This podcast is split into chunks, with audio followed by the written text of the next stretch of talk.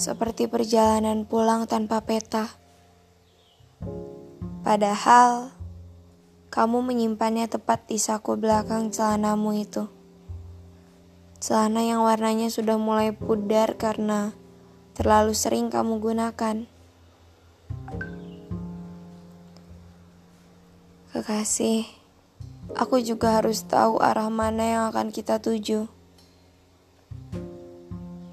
Dan kamu juga harus ikut memutuskannya. Awalnya aku kira perjalanan tanpa peta ini akan menarik apalagi kalau dilakukan denganmu. Tapi ternyata, ternyata hidup perlu arah. Kalau kamu gak bisa mengajakku pulang pada rumah yang mau kau tuju itu, aku harus memutuskan tujuanku sendiri. karena aku nggak bisa terus berada di tempat yang bukan rumah. Aku juga perlu rumah, rumah untuk hatiku, karena setiap hati pasti ada pemiliknya,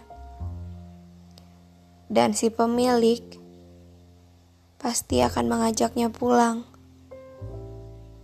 bukan cuma berjalan-jalan dalam angan. Karena itu, aku harus memutuskan tujuanku sendiri.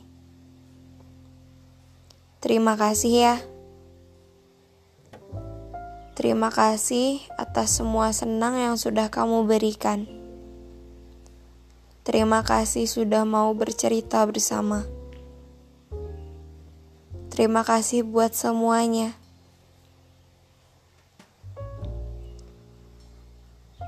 Sehat selalu. Salam sayang. Aku.